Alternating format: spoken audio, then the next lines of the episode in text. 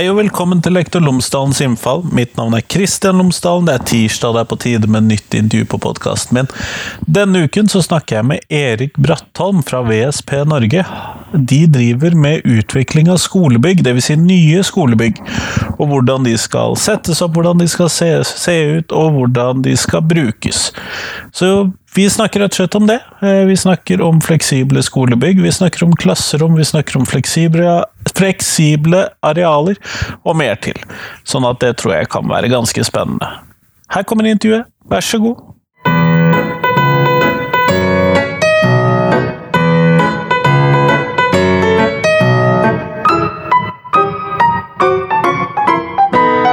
Erik Bratton, tusen takk for at du har tatt tid til meg i dag.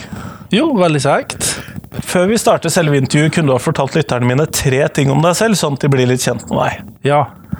Um, jeg kommer fra Ålesund. Jeg er egentlig utdanna lærer.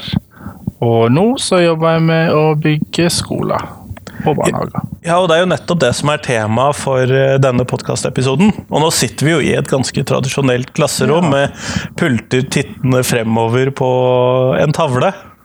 Men jeg lurer på, hvordan bør vi egentlig bygge skolebygg i dag? Hvordan bør vi bygge klasserom i dag? Det er et kjempegodt spørsmål. Vi stiller jo oss det spørsmålet sjøl hele tida. Jeg tenker Det viktigste er jo ikke hvordan et klasserom ser ut, men hva vi gjør i det. Og da er jeg opptatt av rammene for læring. Hva er gode rammer for læring? Hva er gode rammebetingelser? Hva kan hjelpe oss til å drive med god læring for alle? Ikke bare én type elever. Og da må vi ha noe mer enn et klasserom. Et klasserom i seg sjøl er ikke så dumt. Det er kanskje mye bra i et klasserom, og det er en veldig sånn trygg ramme, og det finnes fire hjørner, elever kan sitte langs veggen, med løse pulter kan man gjøre mye spennende, men vi ser jo gang på gang på gang at det er elever som ikke får til læringa så godt i disse klasserommene. Og da, i hvert fall min erfaring fra ungdomsskole og barneskole, da tar vi de elevene ut. Så må de sitte alene eller i tospann. Ofte med en assistent som gjør så godt hun kan, men som kanskje ikke har de beste forutsetningene for å lykkes med de mest utfordrende elevene. Og Da må vi finne noe annet, noe som gjør at alle elevene kan være en del av fellesskapet. I hvert fall i mye større grad enn i dag. Da tenker jeg at vi kan gjerne beholde klasserom, men vi må ha noe i tillegg. Vi må ha masse i tillegg. Og så tror jeg også at de elevene som lykkes i klasserom, også fortjener å få lov til å gjøre noe mer enn å sitte i disse 60 kvadratmeter store rommene. Kanskje kan jeg jo få lov til å sitte på et grupperom eller i et trinn, amfi, eller gå ut, eller i hvert fall Fordi du tror at de lykkes uansett hvilket rom de sitter i? Kanskje? I hvert fall en del elever takler skolen lettere enn andre. De har kanskje en indre motor, de har masse positiv erfaring med læring, selvtillit. Jeg har opplevd at det om de sitter i et klasserom eller hjemme på kjøkkenbordet eller på bussen eller på hytta eller hvor som helst, så, så lykkes de i mye større grad med læring. Og da må jo de også få lov til å gå rundt og ut og øve. Kanskje litt likere arbeidslivet, for vi også er jo i variasjon hele tida. Jeg kan sitte litt på kontoret, jeg er ute og jobber på andre skoler, jeg sitter hjemme og jobber, jeg sitter på fly, hvor som helst. Eh, Og jeg liker jo den variasjonen, og jeg vil jo tippe at elever også vil trives, vil trives mer hvis de får lov til å variere i løpet av dagen. Men hvordan tenker du oppbyggingen? Si at du da skulle lage eh, rom for en klasse, eh, eller ett trinn, eller noe. Eh, hvis du da skulle gi dem dette mer og dette eh, andre, hvordan skulle det da sett ut? Ja. Jeg har vært på mange skoler, jeg har sett mange forskjellige måter å utforme skoler på. Jeg tenker Den viktigste faktoren er at lærerne er trygge på hvordan de skal utnytte arealet. For lærere som er trygge på rommet, og trygge på hverandre, og trygge på det med læring og hvordan bruke rommet, de fikser det. Om de så står i et busskur og driver læring, så får de det til. Eller de kan, de kan ha 180 elever i en stor gymsal, og det går liksom smertefritt for elevene. Og så har du lærere som ikke er så trygge på det de gjør på, og ikke takler heller klasserommet med 20 elever. Så eh, det er nok et mer sånn komplisert bilde enn bare vegger. Men kanskje de modellene som jeg liker best, det er en kombinasjon av klasserom og store rom. For jeg har sett baseskoler som er veldig store, og det krever jo mye av lærerne. De må være veldig gode på organisering og struktur. Eh, som kanskje en sånn mellomting der man har både klasserom, grupperom, fellesareal, noe innhugg, sittebåser. Slik at det er veldig lett for lærere å kunne variere. I dag er det sånn at hvis en lærer vil være litt kreativ og gjøre noe mer enn å bare bruke klasserommet, så må man gjerne kanskje booke et område, eller man må springe ut og finne et område. Og så er det lang avstand mellom klasserommet og det andre området, så lærer tør ikke sende ut noen elever og være igjen alene. Eh, så det er så mange ting som står i veien. Men hvis man ser for seg et trinn med kanskje 60 elever, så kunne de ha tre klasserom eller primærrom eller ja, hovedrom, slik at man kunne delt trinn i tre klasser. Og så hadde man hatt et stort område som var felles, der man hadde hatt kanskje trappamfi, sittebenker, ståbord, noen puter. Litt sånn rom-i-rom-løsninger. Slik at man da kunne hatt et trinn på seks elever kan deles i ti grupper, i seks grupper, i tre grupper. Skeivdeling med store og små grupper, alt etter sånn. Da tenker jeg at um, da vil man lettere treffe alle elevene der de er. For noen elever de trenger små forhold, trygge rammer, tett på en voksen. Eh, jeg tenker helt opp i videregående noen elever som trenger den, den nærheten og den relasjonen til en voksen. Eh, og De må kanskje trygges hele veien i læringa på at du er på riktig vei, dette går bra, vi har troa på det, dette går fint, husker du gjorde i går? Og så er det andre elever som eh, de trives best når de bare får liksom sette i gang sjøl, utforske, kjøre på. Kanskje i tospann med en annen elev. Eh, og hvis vi har et stort areal som gir mulighet for alt det, så tenker jeg at da er det større sjanse for at alle elevene opplever mestring og læring hver dag. Og det er jo det de skal i skolen, sånn strengt tatt. det er jo det. Men du jobber jo da i et eh, firma som planlegger skolebygg. Ja. Og da lurer jeg på hvordan, hvordan gjør dere det når dere kommer inn og skal enten pusse opp en gammel skole eller bygge en helt ny skole? Hvordan foregår den prosessen? Ja, det er jo litt forskjell fra kommune til kommune, de som eier skolen. Store kommuner sånn som Bergen og Oslo de bygger jo masse skoler, og de har mye erfaring selv og mange tanker om hvordan en skole skal se ut. Eh, og De trenger ofte bare hjelp til prosessen, og så få involvert alle brukerne. Mens mindre kommuner de har bygd Siste skolen de bygde, var kanskje på 60-tallet. eh, eh, og alle, alle, kommuner har gått på den skolen. Så de trenger kanskje mer hjelp til, til alt, til å tenke nytt. Det vi er opptatt av, er jo en sånn brei brukermedvirkning. At det er alle som bruker skolen, skal få lov til å uh, si sin mening. Sånn at elever og foreldre og lærere også skal være med? Ja, vi går bredt ut. Hele nærmiljøet får lov til å si noe, men dem som den som har den tyngste stemmen og viktigste stemmen for oss, det er elever og ansatte. Og da er det noe om at Hvis vi bare stormer inn på et personalrom på fellestid på tirsdag kvart over to, alle er sliten, hatt en lang dag, har mest lyst til å snakke om hva som gikk bra i løpet av dagen eller dårlig, eh, da vil lærere fort si vi vil ha litt flere grupperom. Kanskje litt større klasserom. Så det er en ganske sånn lang prosess der vi viser um, bilder fra andre skoleprosjekt, vise plantegning fra andre skoler. Vi snakker mye om hva, hva, forskning sier om læring, hva som er bra for læring. Og så snakker vi mye om den nye læreplanen som kommer, hva den legger vekt på. Uh, og da Når vi har fått den grunnmuren, da kan vi begynne å snakke om ok, hvordan skal den ideelle skolen se ut. Um, det er noe utfordrende, spesielt for lærere som jobber en stund, å gå vekk fra et sånn rent klasserom. For det er jo veldig sånn trygt, og det er det man har jobba med i mange år. Så det å tørre å tenke nye tanker, det tar litt tid, og da må vi ta oss den tida. Og En god sånn brukerprosess med alle involverte, det kan jo fort ta noen måneder. Men vi ser at da får vi også de beste skolebyggene til slutt, fordi da har alle fått lov til å være med og planlegge. Også når man sitter da med et nytt bygg som kanskje ser litt annerledes ut enn en lang korridor med masse klasserom, ja, da vet alle hvordan de skal bruke det. Når vi spør elevene, så er det de alltid sier. Uavhengig om det er klasserom eller baseskole eller hva som helst, så sier de vi vil ha mer variasjon, og vi er lei av å sitte på stolene. Og Det er en sånn interessant observasjon. Og Da må vi prøve å gjøre noe slik at det blir lettere for lærerne å variere, og lettere for lærere å unngå at man sitter, at elevene sitter ved den der pulten i åtte timer eller seks timer hver dag. Men hvordan unngår man den pulten? Eh, Det lurer jo jeg litt på. Det Men jeg er ganske grodd fast i et vanlig klasserom, da. Ja, det det er et godt spørsmål, og det finnes nok ikke bare sånn ett svar på det. Men jeg tenker her må jo lærere kanskje utfordre seg sjøl på hvordan skal elevene mine være i aktivitet. I mange klasserom så, meg sjøl inkludert, med beste intensjoner, så snakka jeg masse. Jeg fortalte, jeg hadde powerpoint, jeg fortalte morsomme historier. Elevene mine sa at de elsker å høre på historiene, men de satt jo stille i kanskje 40 minutter mens jeg dominerte timen. Så lærere må utfordre seg sjøl til hvordan kan lærere være dominere mindre, og elevene få lov til å være i aktivitet. Og Da tror jeg det vil blomstre frem andre løsninger enn å bare sitte ved pulten og lese og gjøre oppgaver. Eh, Om ikke annet så eh, ta med seg iPaden og gå ut, da. Sette seg eh, på en sofa, eller ja. Det er jo det elevene gjør når de er hjemme. Da sitter de gjerne i sofaen med iPaden, eller i senga, eller på ei pute, eller hvor som helst. Det er veldig sjelden de sitter ved kjøkkenbordet med iPaden og ser film.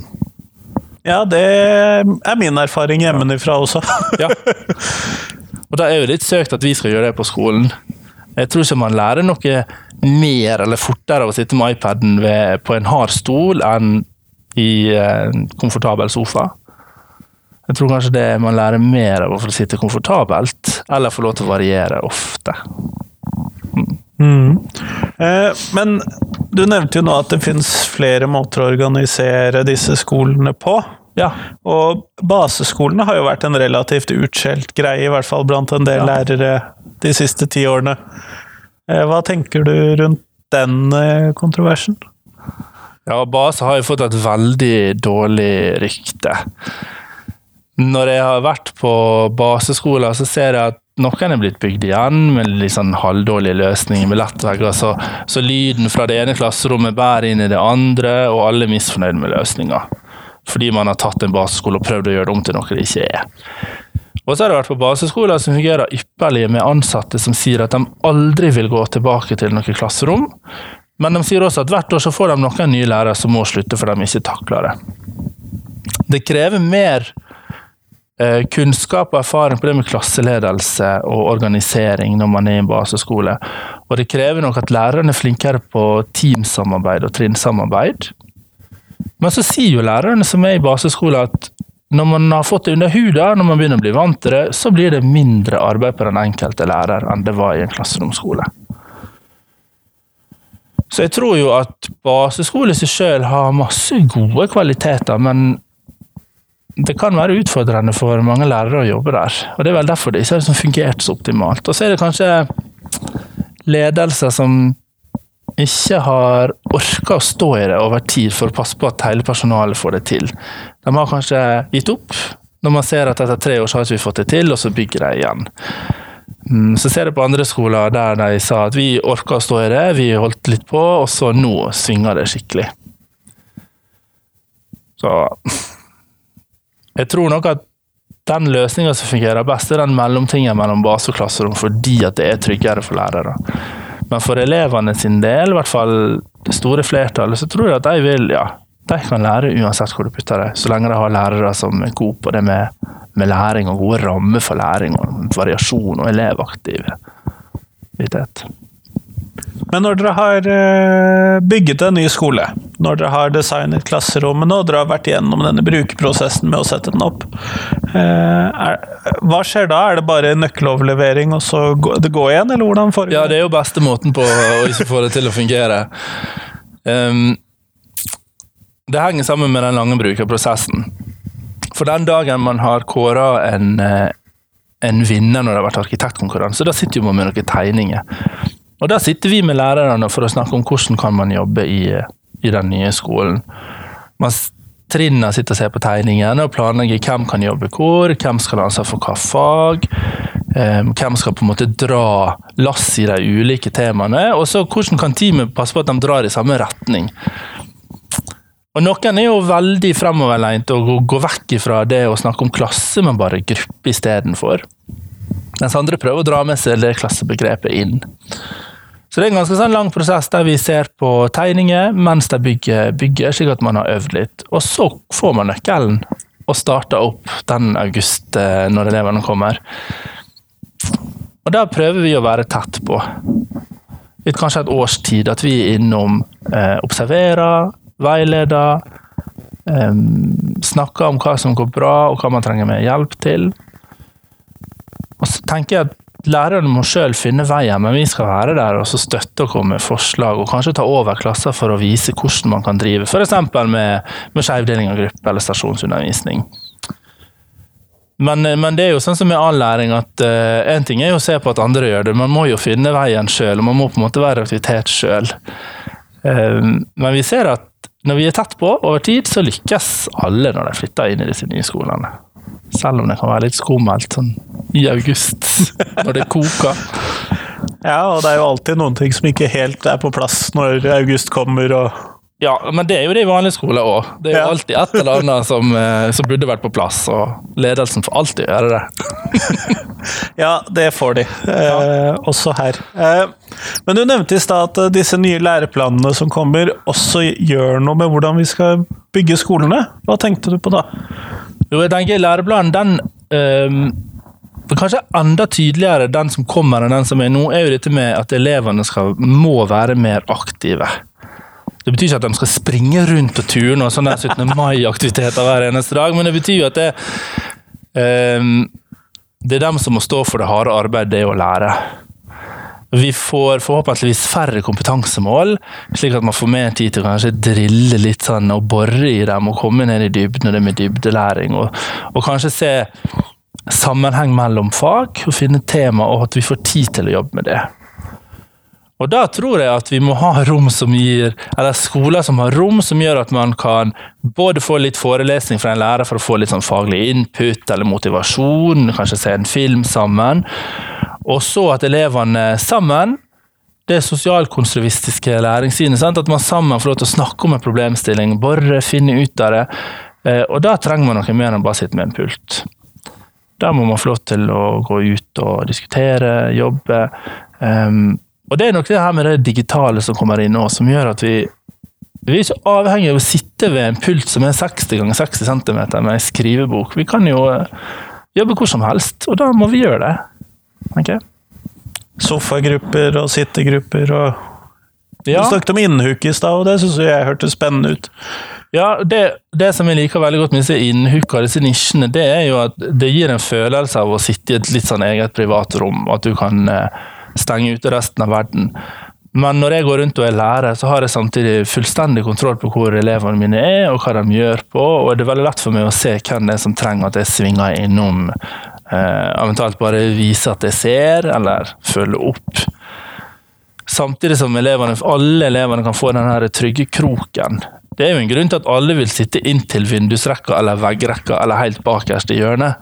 Det er jo veldig få elever som springer til midten av klasserommet for å ville sitte der. Ja, det er ikke den plassen som fylles opp først. Nei, det er sistemann som kommer inn. Han må sitte der. Eh, Sånn er vi som voksne når du ser eh, hvor vi setter oss når det er forelesninger. Sånn vi setter oss bakerst eller inntil en vegg. Og da, Hvis vi har masse av disse nisjene og innhooka og krokene, så da kan kanskje alle 25 elevene mine føle at de sitter i et litt sånn trygt boks eller krok og jobber. Det er jo Man snakker jo ofte om disse, klass, disse rommene som har fleksible arealer. Ja. Eh, med litt sånn forskjellige måter å så åpne disse arealene på. Mm. Og vi sitter jo i et typisk et sånt rom med en litt sånn stor og uhamslig skillevegg. Ja, og det er liksom, Hva er fleksibelt, da? Hva betyr fleksibelt, egentlig? For noen så betyr jo fleksibelt at man har en sånn foldevegg som man enten sjøl kan åpne opp, eller du må ringe vaktmester så han kan komme og åpne opp for deg. Og da gjør man det når det er juleavslutning og så sommeravslutning. Og så Eller er tentamen, som ja. i dette rommet her. Eh, Og da, ja ja, fleksibelt og fleksibelt. Ehm, jeg tenker Fleksibilitet handler om helt andre ting enn den der veggen.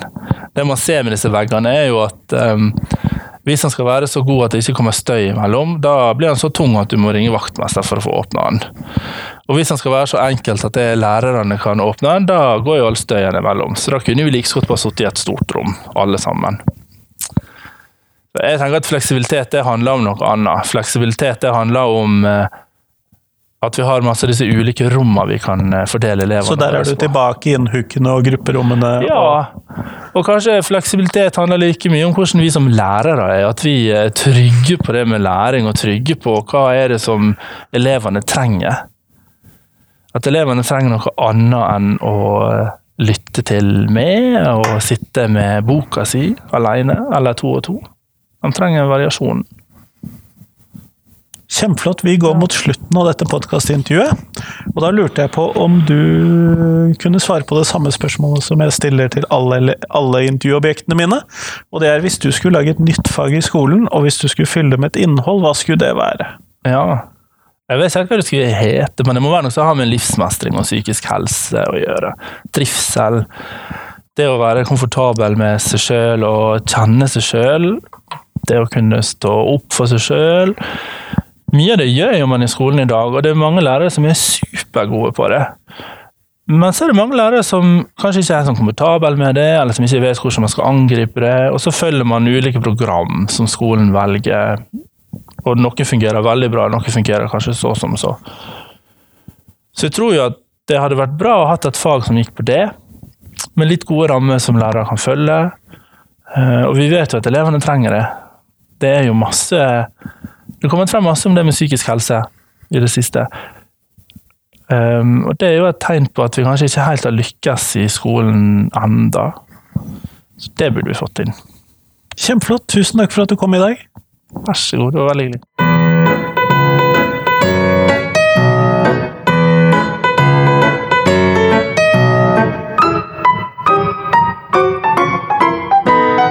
Tusen takk til Erik, og tusen takk til deg som hørte på. Nå er det en uke igjen til neste podkastintervju. I mellomtiden så hadde jeg håpet at du kunne dele podkasten min med noen som du tror vil bli glad for den. Nå har jeg til og med nylig passert over 1000 avspillinger i løpet av én uke. Og det vil jeg gjerne gjenta. Jeg håper ikke at det blir en one-off, for å si det sånn. Så del gjerne podkasten min med noen som du tror vil eh, sette pris på den. Enten du deler en, én episode eller sier at dette er podkasten du er bare nødt til å høre på. Eh, Jeg håper jo selvfølgelig det siste, men eh, i hvert fall fram til neste gang, ha en fin uke. Hei, hei.